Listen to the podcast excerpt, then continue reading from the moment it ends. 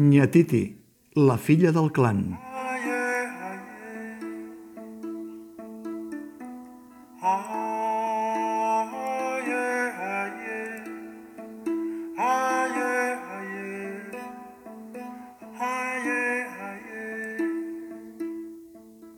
La Nyatiti, la filla del clan, estava tocant la seva lira de vuit cordes a la riba del riu Nial, prop d'on vivia, quan va sentir aquella fortor de formatge de tupí que li recordava la que un dia, anant d'excursió, va sentir a l'era del mas dels ossos.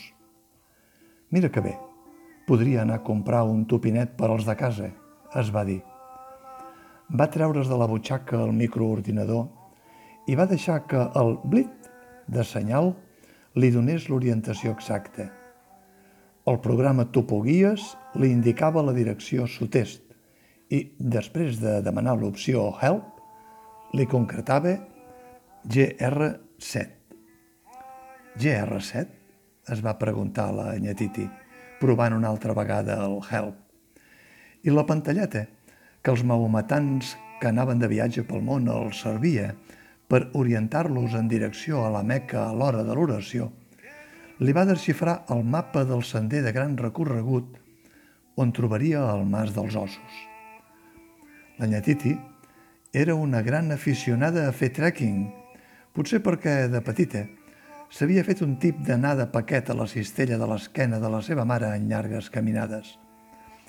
Va agafar la motxilla que portava per desar la lira, doncs, i prop del pont del canal del Nial va trobar el primer senyal vermell i blanc que li indicava el començament del camí.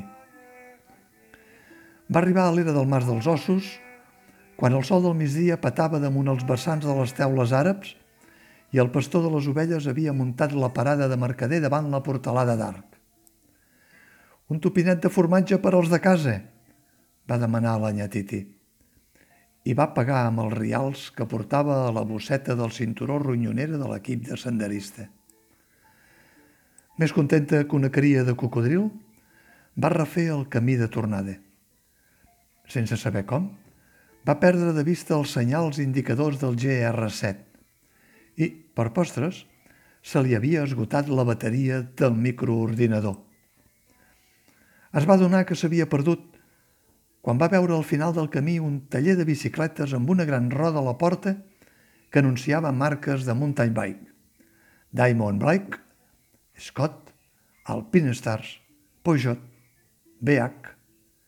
I com que no creia en els miratges, hi va entrar.